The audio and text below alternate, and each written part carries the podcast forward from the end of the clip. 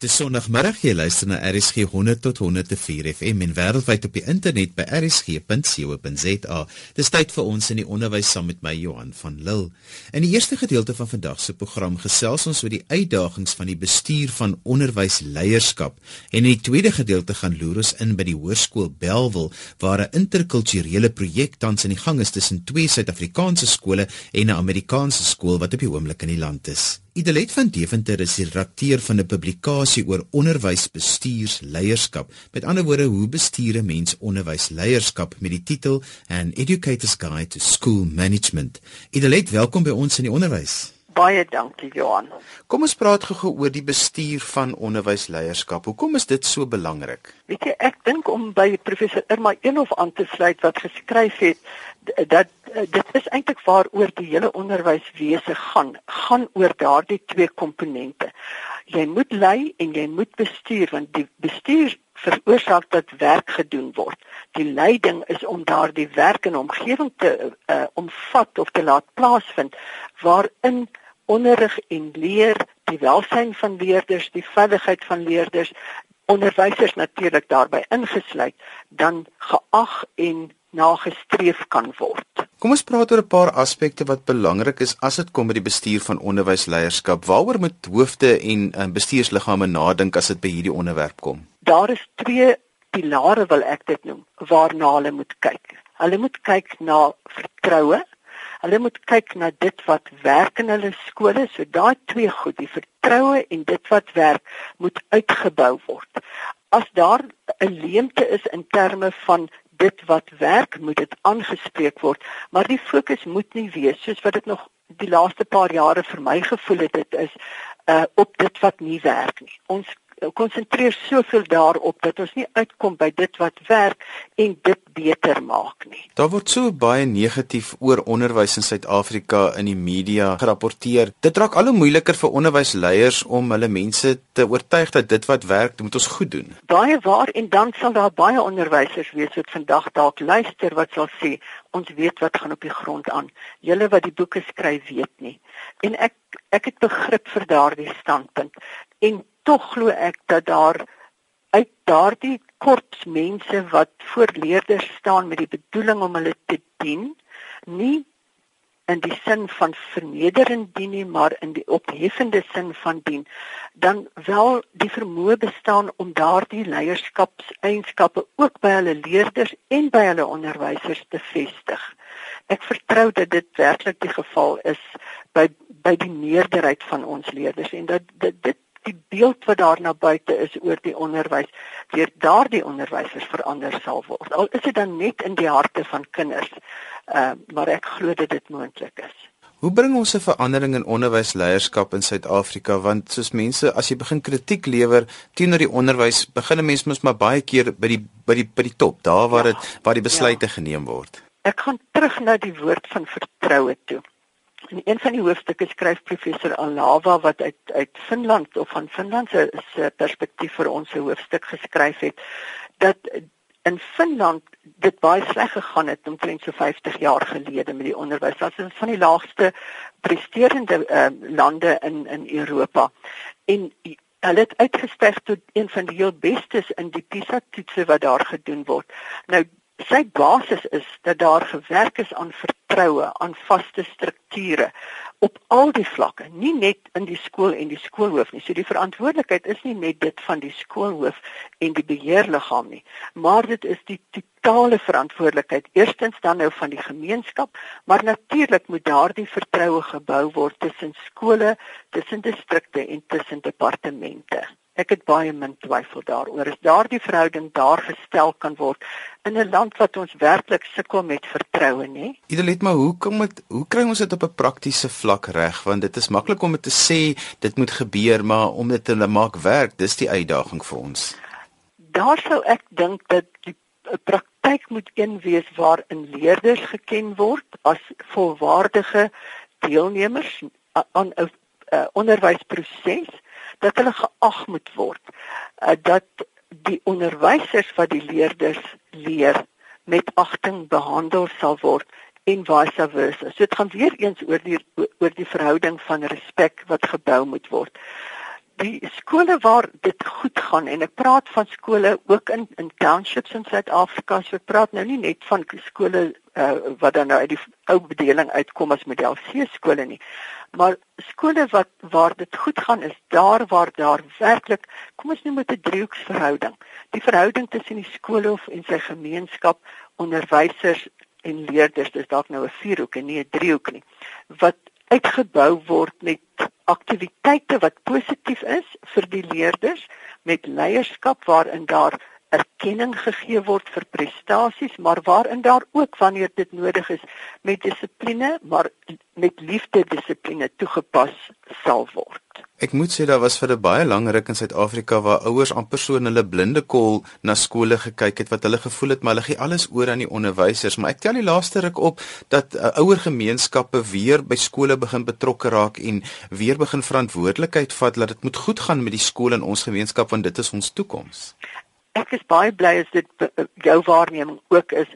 Ek uh, is 'n baie sterk voorstander van daardie verhouding met die ouer gemeenskap. En nou praat ek nie net van die van die beheerliggaam as die verteenwoordigers, die amptelike verteenwoordigers of die wetlike verteenwoordigers van die ouers nie.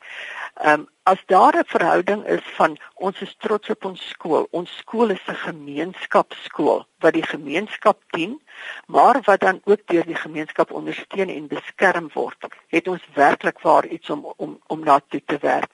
Ek het in my navorsing op 'n stadium in die Wes-Kaap met 'n hoof gepraat wat vir my gesê het dat hy 'n ehm skool gekry of waarvan hy hoof geword het in uh, een van die baie ernstige bende getuisterde gebiede in die Wes-Kaap. En hy het van daardie punt af uitgegaan dat hierdie skool is 'n gemeenskapskool en die gemeenskap moet die skool beskerm en hy het al die ehm um, drade hy sê toe daar gekom het was daar al hierdie heininge en en doringdrade om die skole gespan en ek het begrip ook daarvoor ehm um, maar hy het net eenvoudig gesê julle die gemeenskap is ons beskerming. Julle is ons heining. En ek dink as ons daardie verhouding kan vestig, eh, wat 'n langtermynverhouding is, is is daar vir ons werklik ook op daardie vlak hoop. Jy het nou al twee punte uitgesonder wat die uitdagings is vir onderwysbestuursleierskap. Watter ander aspekte is daar nog? Wel, ek dink die finansiële een bly altyd 'n baie moeilike een. Ehm um, omdat dit die staat gee en ons het in die begroting gehoor dat daar weer ook vir vir ons onderwysstelsel gegee gaan word. Die dilemma is dat ek dink eh uh, dat finansies word deur die skoolhoof beheer saam met die beheerliggaam. Nou in baie van ons skole is dit sodat ons ouer gemeenskap nie noodwendig geskool is in finansiële bestuur en daarmee wil ek nie eers sê dat alle skoolhoofde geskool is in onderwys in in in finansiële bestuur nie. Maar in daai een opsig dink ek is daar 'n geweldige taak van opleiding van nuutverkose bestuursliggame dat hulle moet weet hoe belangrik dit is om uh, vertrou te kan word met die ouers se geld want dit is weer eens daardie respek vir waar kom dit vandaan wat gekweek moet word. Ida let ons so 'n slotgedagte moet gee vir onderwysleiers. Wat is daardie gedagte wat jy sal graag wil gee vir die leiers van Suid-Afrika? Weet jy, ek gaan vir jou sê, mag ek dit in Engels lees? Die boek word opgedra in die volgende. We dedicate this book to all educators who regardless of race, language, class or creed have the best interest of all our country's learners at heart. We dedicate this book to the parents who trust us with their most cherished ones. We dedicate this book to our learners who allow us to teach them. Nkosi Sikelele Afrika, the teachers, parents and our learners is my wens vir ons in die onderwysstelsel. Jy luister na RSG 100 tot 104 FM en die program is ons in die onderwys. Hands for a Bridge is 'n interkulturele projek wat tussen twee Suid-Afrikaanse skole, die Hoërskool Belwel en Isimalele High School en 'n Amerikaanse skool al vir 'n hele paar jaar aangebied word. Die Amerikaanse skool Roosevelt High School is tans in die land en ons het gaan inloer waar hulle besig is met hierdie projek by die Hoërskool Belwel.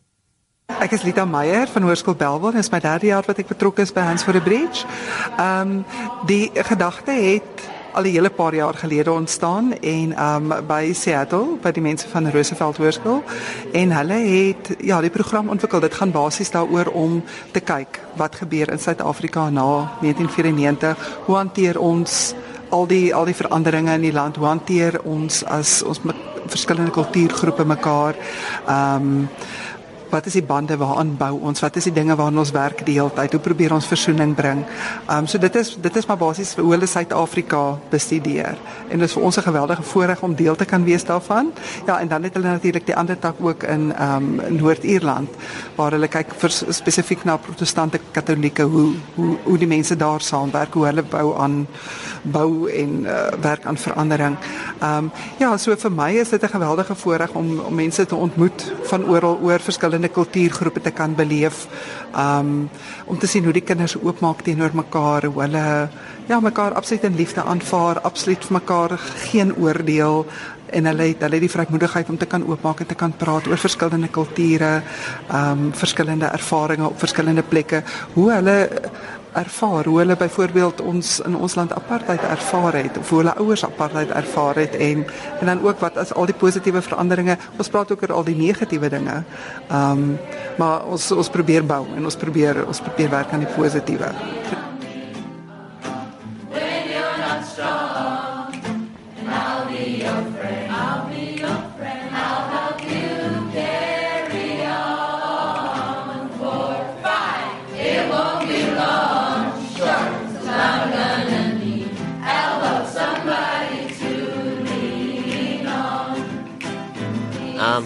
My name is Joe Moore.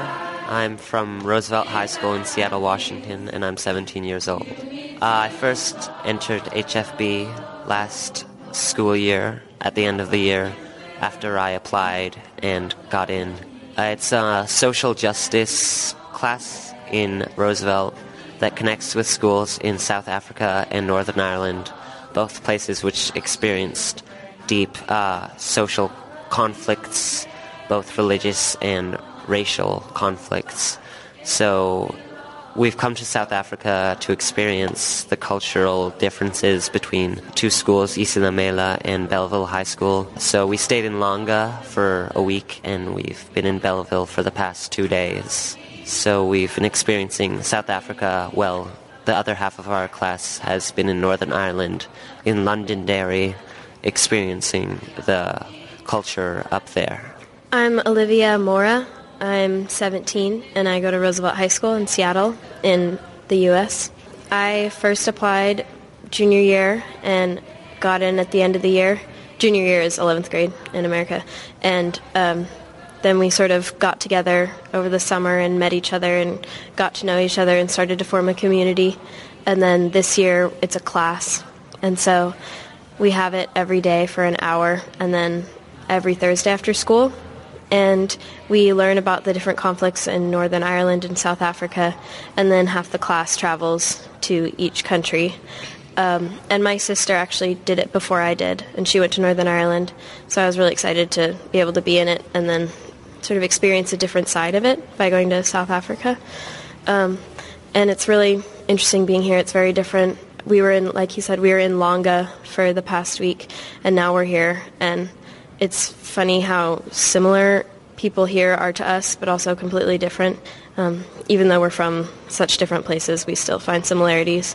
Um, but it's also really interesting to find the differences. For example, you guys, your doorknobs are really tall. Um, and they're just funny little things like that, and also much deeper differences as well. There's a lot of uh, gates in Belleville and we don't have those in Seattle, or nor did we experience that in Langa.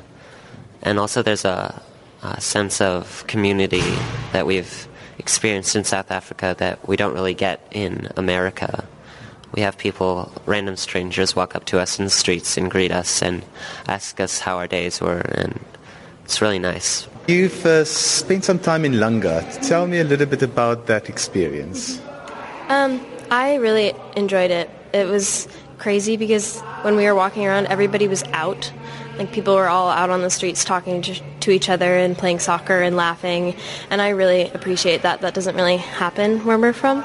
And I really appreciate that. Um, it was really nice staying with the mamas. We each had our own mama.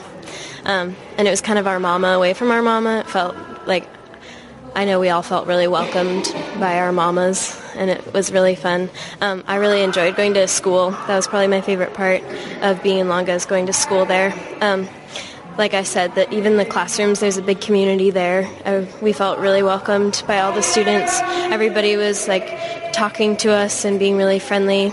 Um, yeah, so it was. I really appreciated all the the family community orientation there was there.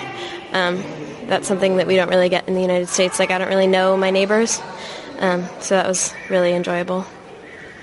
Yeah, it was. It was a really, really powerful experience, especially because we were actually staying with families that weren't really affiliated with the school, so we were just meeting people who lived there, and we have like people coming in and out of our house, people we didn't know, but everyone was so kind and um, really felt the sort of Ubuntu in a way, uh, how everyone would greet you and ask what your name was, and everyone was so friendly. And you could just meet someone and you know they'd just be a good person to you. And the families were great and they just welcomed us in as if we lived there for a long time. And school, everyone is so accepting and so open to meeting you. It, it was really a great experience living in Langa. I'm Bagazim Tombeni from Isilimela High School. I'm 17 years old, doing grade 11. I joined Hands for a Bridge at the beginning of last year when I was still doing grade 10. And I got the chance to go to the United States in Seattle last year in October. And I must say it has been an incredible experience being part of the Hands for a Bridge family. It's where you find comfort and to me I'd say it's my second home and it's a place where you could just easily get out of your comfort zone. And when we were in Seattle, it was a very wonderful, great experience. We were welcomed there with smiles and everything. It was just an amazing experience and they were all so nice to us. They were all so kind to us. And this year, uh, on the 13th of February, the Americans, they arrived that was about a week ago. And I was so happy to see them because most of them, I knew them from back in Seattle. And the, the one thing that I can say about Hansford Bridge, it's like my second home. And it, I must say it has been an amazing experience being, being part of Hansford Bridge. Um, I'm Maxine Sikade, 17 from Bible High School. I have joined HFB um, two years back and this is my final year seeing that I'm a chick this year. What I've learned from HFB is how to be yourself, how to come out of your comfort zone and seeing each other and really listening to one another. And last year I was fortunate to go to um, Roosevelt in Washington, D.C. And I had a great time and I saw um, few um, differences. When we were there, um, a lot of people were so eager to ask questions, and people here are not uh, a little bit scared to ask questions. Hello, um, my name is Sipo Fuzane. I'm from Isilimela High School. I'm 17 years old, doing grade 11 at the moment. Um, the thing which I've found interesting in HFB is that HFB has made me such a different person from which I was before. In HFB, we don't judge other people. HFB had taught me a lesson that if you see a person, you mustn't judge him by seeing him or her. You mustn't judge a cover by its book. You must first have to reach to that person and see how he or she will respond to you. Then you can judge after that. But in HFP, there's no judging. We don't do such things, horrible things. We don't do that.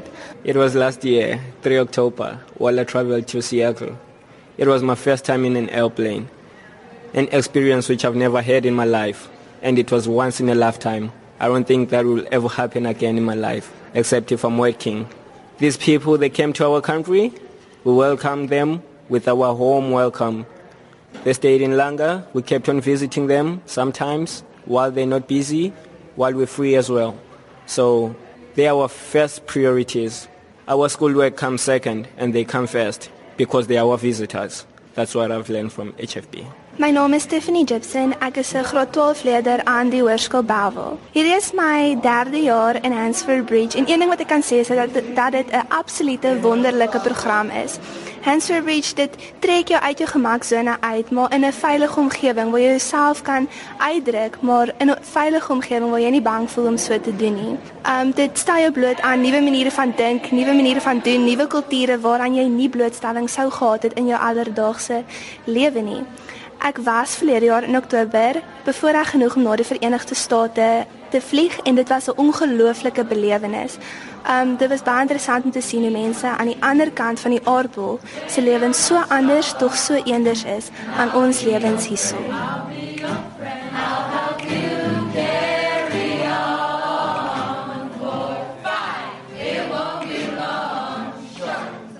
Islamella was eers betrokke. Ehm um, en dit was aanvanklik net 'n skakeling tussen Roosevelt en Islamella en omtrent ek dink die program was seker al 3 jaar aan die gang en toe het hulle gesê maar hulle soek nog 'n skool. Ehm um, om betrokke te raak en hy het by Mandy Emery uitgekom wat eintlik maar die wat die wat die hoofpersoon in ons skool is wat dit hanteer en ehm um, ja en dit het Belwel het ingeskakel en ons het deel geraak en dit is nou ja, op die oomblik voel dit vir my soos een groot familie. Wat leer die kinders hier uit? Hulle leer baie lewenswaardes, morele morele waardes, lewenswaardes. Ons praat baie oor liefde, oor respek, om nie mekaar te veroordeel nie, oor aanvaarding, oor on, dit is maar basies die hoofdinge waarop ons fokus en ehm um, ja, ons het baie en ons het baie gesprekke rondom ehm um, ja, verskille rondom hoe ons hierdie dinge positief in ons lewe kan aanwend. Ehm um, ja, en die kinders, die kinders praat baie uit hulle lewenservaring en hulle deel baie dinge. Ehm um, so dit is net een groot bouprogram. My name is Mrs. Xoliso Nkunzi, known by Mimi as a nickname. Um, I'm a teacher from Isilimela Comprehensive School in Langa. Um, I've been in the program now since 2002. This uh, program is actually looking at reaching a hand to a person who is a different race to you. So normally we talk about things that are sometimes very touchy that actually talks about who we are, how we are, how we actually receive other people. So it's been a, a very uh, good experience to see learners um, actually interacting together, not looking at who who they are, where they're coming from, the race stuff, rather than adults. So we're learning a lot from them. We're they're learning a lot from us. We actually carry this program through.